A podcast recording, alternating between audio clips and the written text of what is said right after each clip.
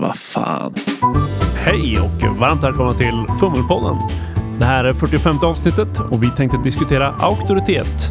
Det blir lite om olika slags auktoritet inom rollspel och hur auktoritet hänger ihop med engagemang.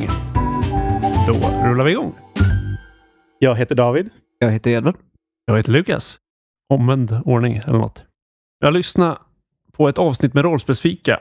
Körde ett samtal med den här teorigurun Ron Edwards som vi också har haft ett avsnitt med. Men i alla fall, de snackar lite om fyra olika typer av auktoritet som jag tyckte var intressant och jag tänkte att vi skulle kunna gå igenom dem, snacka lite om dem och se om vi håller med. Ge lite exempel på dem kanske. Se om vi kan bli något klokare på den fronten. Ja. Den första auktoriteten är bakgrundsauktoritet. Att man har makt och inflytande över vad som har hänt innan man börjar spela. Den andra är situationsauktoritet.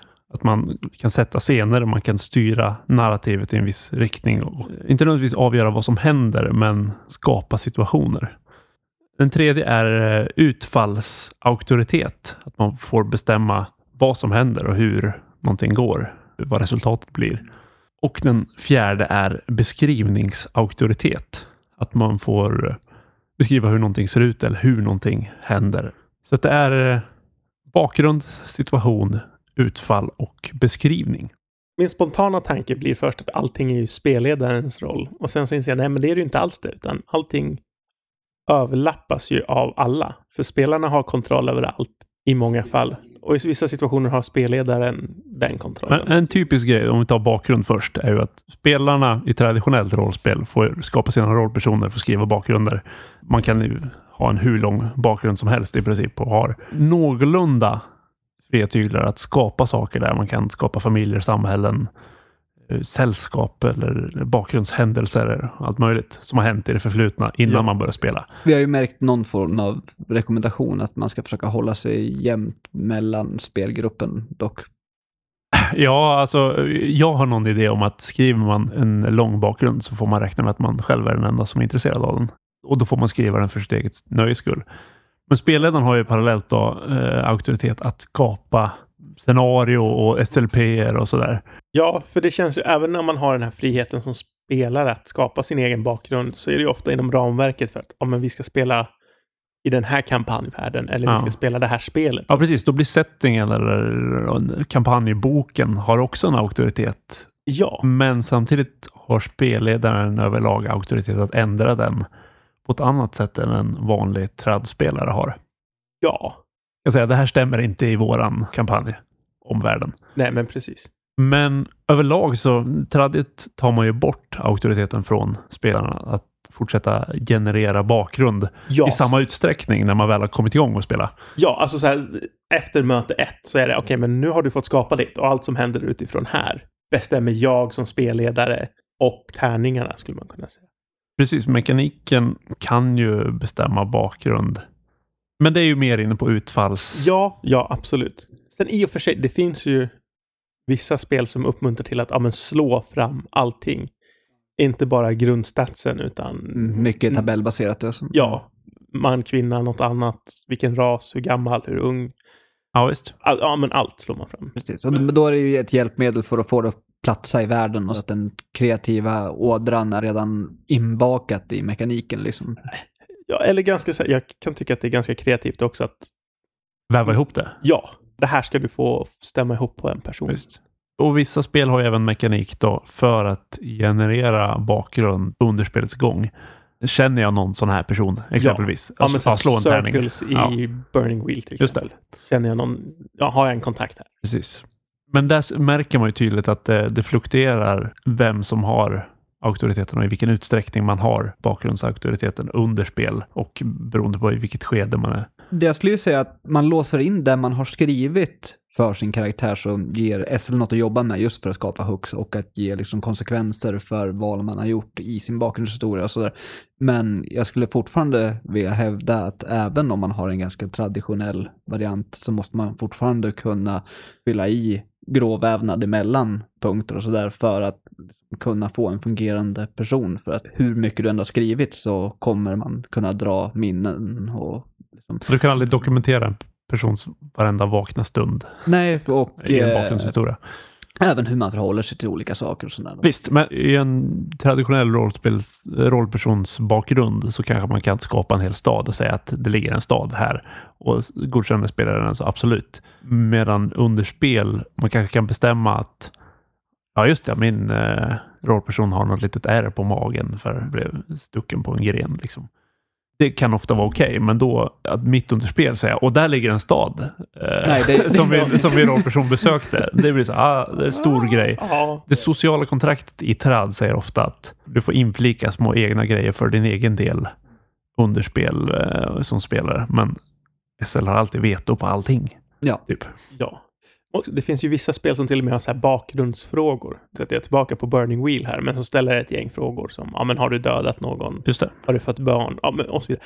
Och sen så får man olika stat boosts eller statsavdrag beroende på vad man svarar på de frågorna. Mm. Det är inte auktoritet, men det är ändå något, eller det, Att man ger lite auktoritet till systemet och bestämma Ja. vilka frågor man ska svara på. Och Ja. sådär. För det är ju återkommande också att eh, rollspelet och mekaniken har en viss auktoritet också.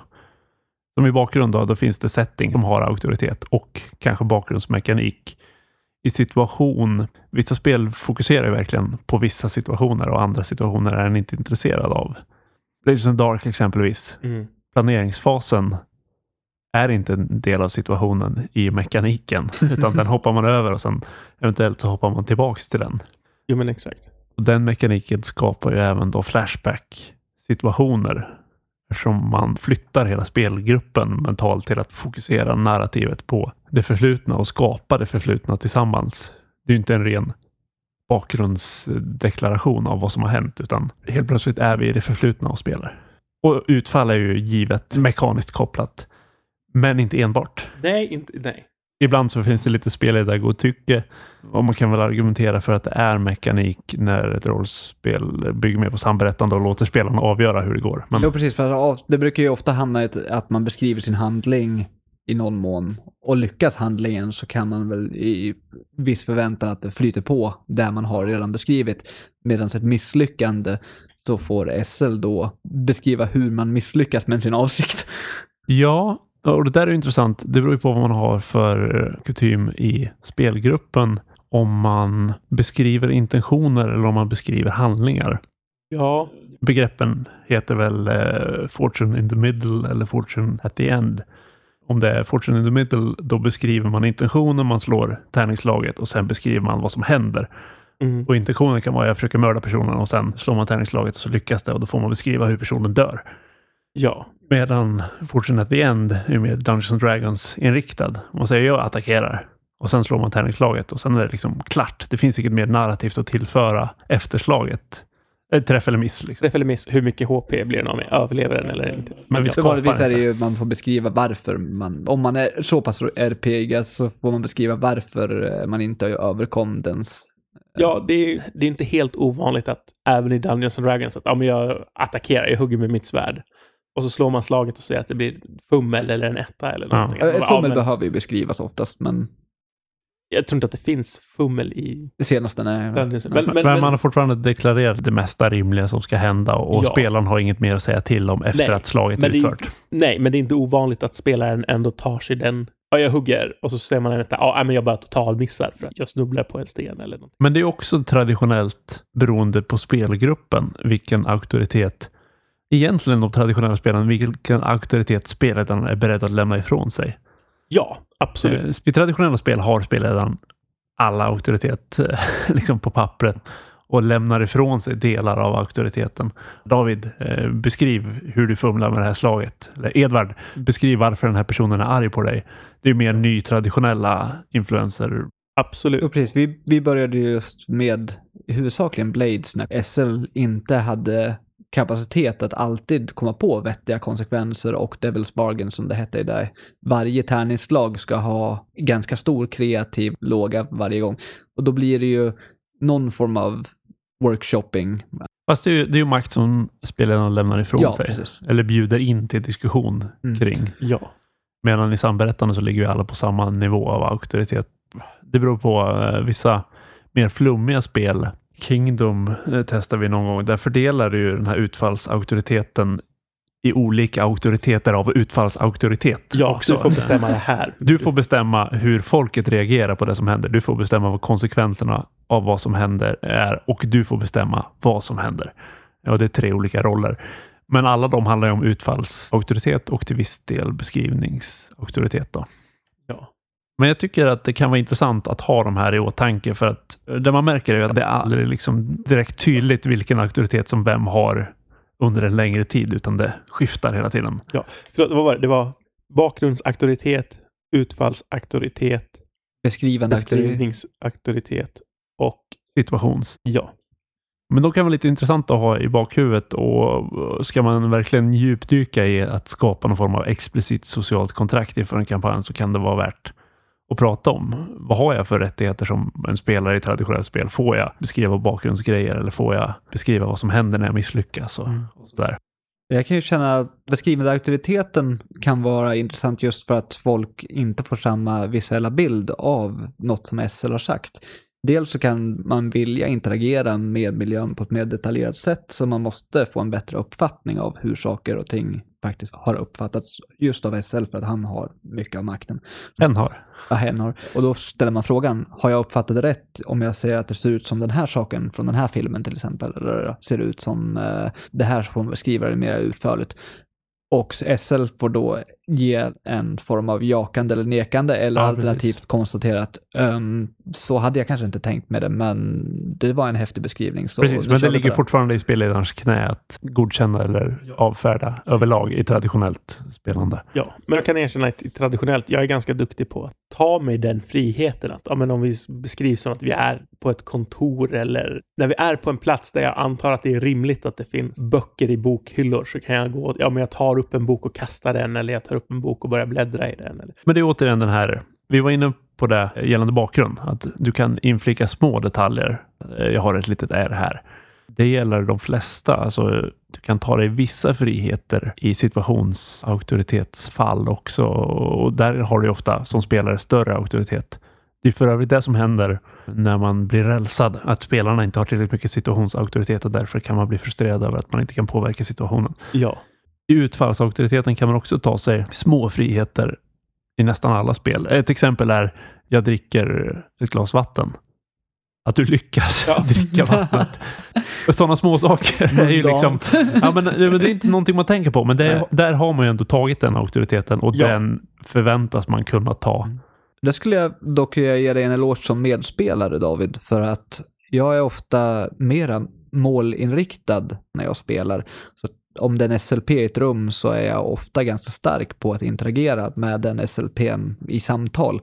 Och om du helt plötsligt börjar interagera med rekvisita i rummet, helt plötsligt börjar man då visualisera de sakerna. Just när vi spelade Blades i högkvarteret i slutet, det finns ju i AP, när man börjar interagera med slutbossens rum. Att man helt plötsligt visualiserar rummet på en annan nivå Ja. när någon börjar interagera med saker som finns i rummet som spelare. För att man annars har bara det som förmatades av SL. Du kan få ett helt annat flow i rollspelande om du som spelledare ger bort lite auktoritet. Ska det alltid läggas upp som att finns det ett bord? Eh, Ja, det finns ett bord. Finns det en vas på bordet? Ja, det finns en vas på bordet. Okej, men då plockar jag upp blommorna. Nej, finns inga blommor i vasen. ja nej, precis. Och det, om någon säger, ni är i, på ett värdshus i utskänkningsrummet.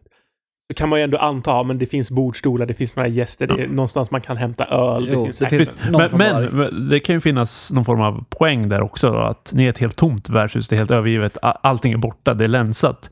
Då är det en grej som är viktig för narrativet. Ja, och då i sådana fall så är det en del av beskrivningen. Ni är i ett värdshusrum där allting Ja, är tomt exakt. och borta. Och, Exakt. Och att om det har en relevans så ser jag mig inte som nödvändigtvis straffad att SL då beskriver det i den punkten. Visst, man får väl en liten rewind i huvudet, liksom, att man får ta tillbaka. Men då har jag gett mer information av rummet. Sånt där. Men är det som du beskrev med vasen och blommorna, och sånt där, då är det just någon form av liksom, snett på fingrarna. Där, så- Men åt andra hållet så kan jag även se att det blir ett helt annat flow om man inte tar sig för stora beskrivningsauktoritativa friheter som spelare inför handlingar, om vi återgår till det här med, med utfall och, och fortsätter middle och fortsätter end. För om man säger att jag går fram och lyfter upp personen och skakar om personen och så misslyckas man med någon form av hota-slag. Och så får man spela tillbaks allting som har hänt. Så att nej, det som hände är egentligen att du tvekar och, och vågar inte gå fram och lyfta upp den här personen eller vad som nu händer. Det kliver någon emellan. Han slår undan din hand när du stegar fram.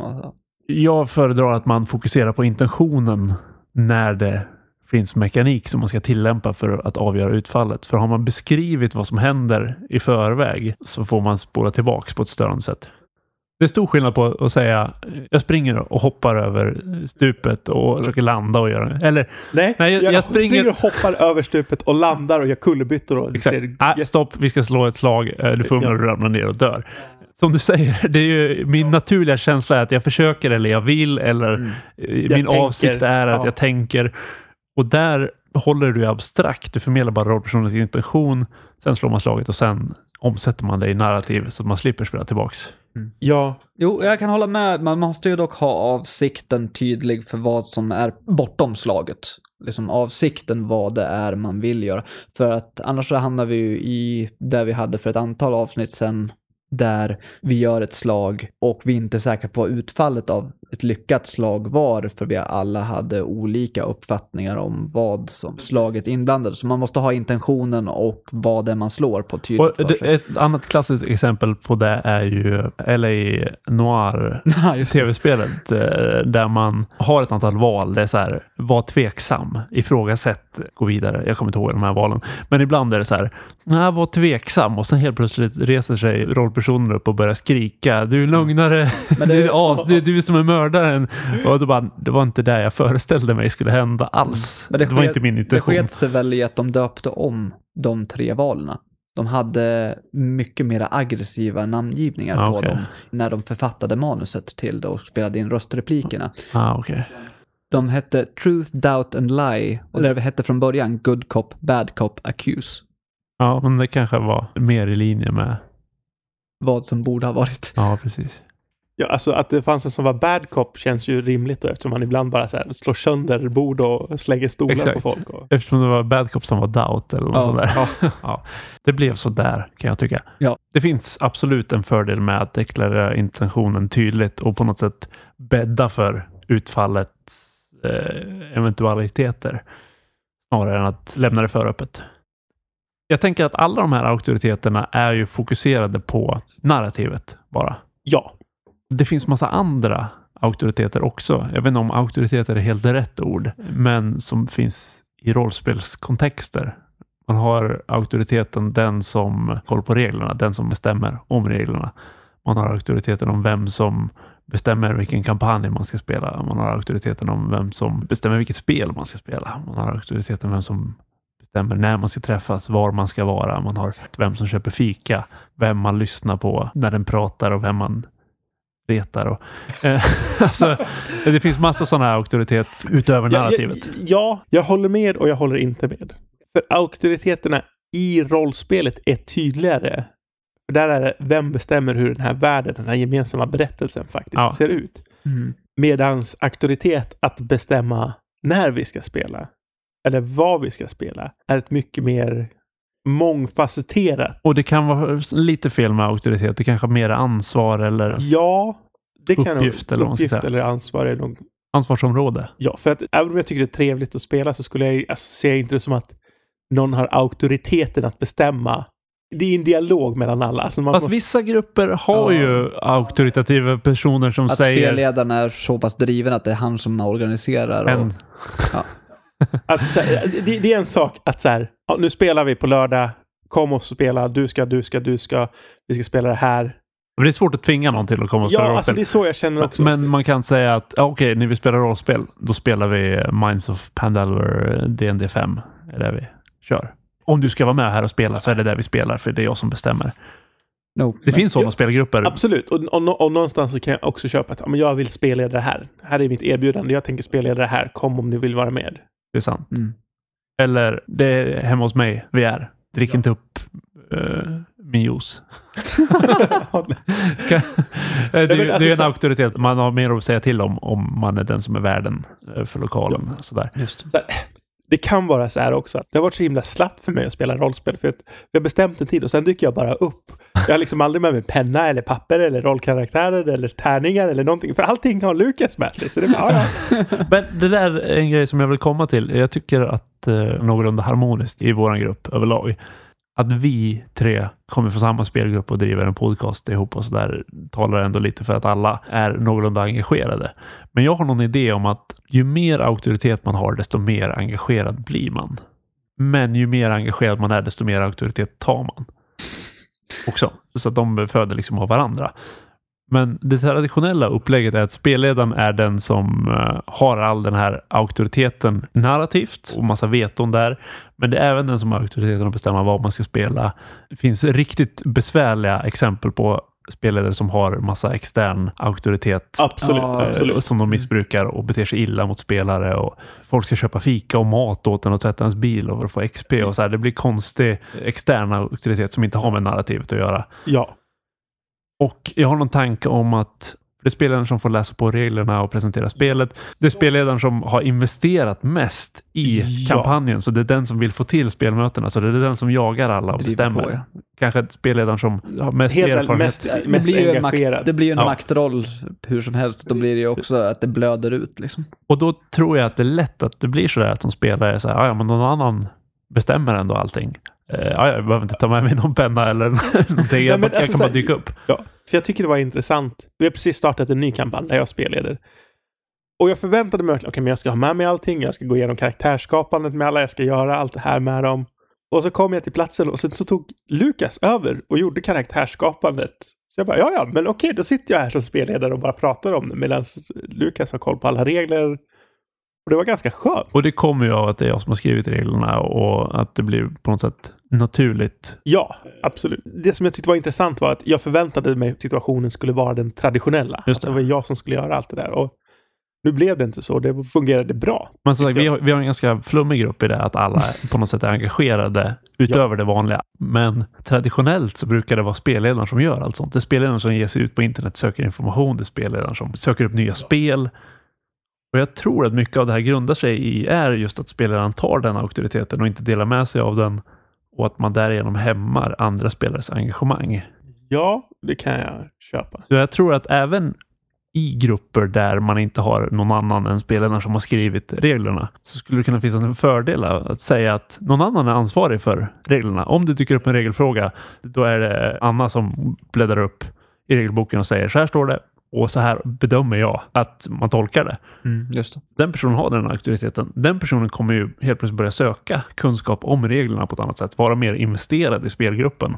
Ja, kanske inte automatiskt, men förhoppningsvis. Nej, Ja, jag vet tror att det kommer leda till det. Kan- och, och, om, kanske. om den personen har ett intresse. Ja. In, inte att man tvingar på folk ett Nej. ansvar, men att man erbjuder. Jag tror att en del av att det har blivit så för oss också är ju att vi har haft roterande spelledare. Som spelare så tror jag att det blir ett större steg att ta sig till de rollerna när man inte har suttit i spelledarstolen. Fast jag tycker inte att det är så att spelledaren per automatik har en högre investeringsgrad eller ett högre intresse. Det är mer jobb att vara spelledare än att vara en spelare, men, men liksom engagemanget kan vara lika stort från alla oavsett vilken roll. Ja, men jag tror som sagt att ju mer man investerar i det och ju mer ansvar man har, ju mer auktoritet man har, desto större chans är att man blir mer engagerad. Ja. Jo, precis. Så jag tänkte att spelledarrollen tvingar en att göra de investeringarna Ja. i många lägen. Och, och många fall man får spelarrollen genom att man är den enda i gruppen som är tillräckligt engagerad för att läsa in grejer och förplanera grejer och sådär. ja, och ofta är det, ja det här spelet är jag sugen på att testa. Men traditionella rollspel afforderar ju verkligen att man ger all makt till spelledaren också. För det står typ i böckerna att spelledaren är gud och den ska dyrkas och, och, och spelaren har aldrig Ja. fel. Massa så här ofräscha saker. Ja. Ja. Men jag tror inte att det är en nödvändighet att det måste vara så. Nej, jag håller Och, med. och, och samberättarspelen är ju beviset på att det inte är så. Mm. Eh, sen kan det vara intressant att veta hur det ser ut i folk som bara spelat samberättarspel. Har alla de en podcast? Eller är det liksom bara... Alltså, undrar om det En finns en person grupp där. som bara har spelat en regelbunden grupp? Men Ja. frågan om det är ett allmänt paradigmskifte även om man ser till tradrollspel, för det är länge sedan jag faktiskt läste den textraden att spelledaren har alltid rätt. Det är liksom, visst, det är ju någonting man minns att man har läst. Det jag har finns ju en inte- jag tror inte jag- tradition Ja, av de precis. Det är en- tänkarna. Men Ja. Det är en tradition snarare än vad jag tror att det faktiskt skrivs på papper i dagsläget. Jag hoppas det, för det vore ett steg i en positiv riktning. jag håller med. Det kan vara subjektivt kanske. Det finns vissa spelledardyrkare där ute. Alltså bara för att man inte dyrkar spelledaren behöver inte det betyda att man måste bråka om allting heller. Nej. Men Det är sant. Men det är samma sak i narrativet, tänker jag. Att ju mer inflytande man har i narrativet, desto mer engagerad blir man ofta. Åtminstone känner jag så. ja, och det är så här, ja men okej, nu ska vi spela Dungeons and Dragons för 14 gånger, men jag är ju så trött på den. Jag vill prova Apocalypse World eller Drakar och Demoner eller någonting annat.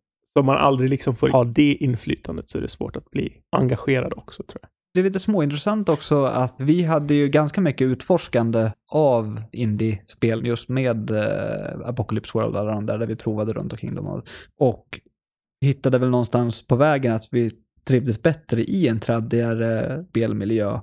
Men jag tycker fortfarande att just de auktoritetslektioner man har lärt sig av indiespelarna har gjort oss mera trivsamma i det traddigare spelandet.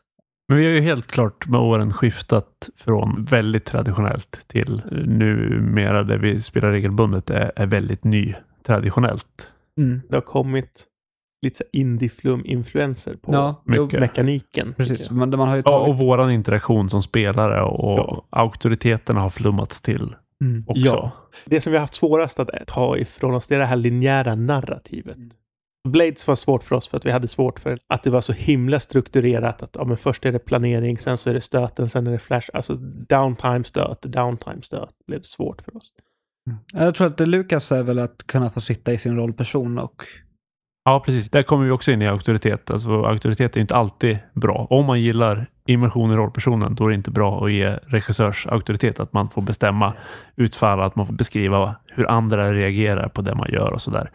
Så det är ju extremt subjektivt och kontextberoende och spelberoende Absolut. hur den här auktoriteten ska fördelas. Men jag ser absolut fördelar i att medvetandegöra de olika auktoriteterna och hur de skiftar och hur man kan justera dem, eh, vrida lite på rattarna för att få en annan upplevelse. Ge sig själv den upplevelsen man vill ha i just det sammanhanget.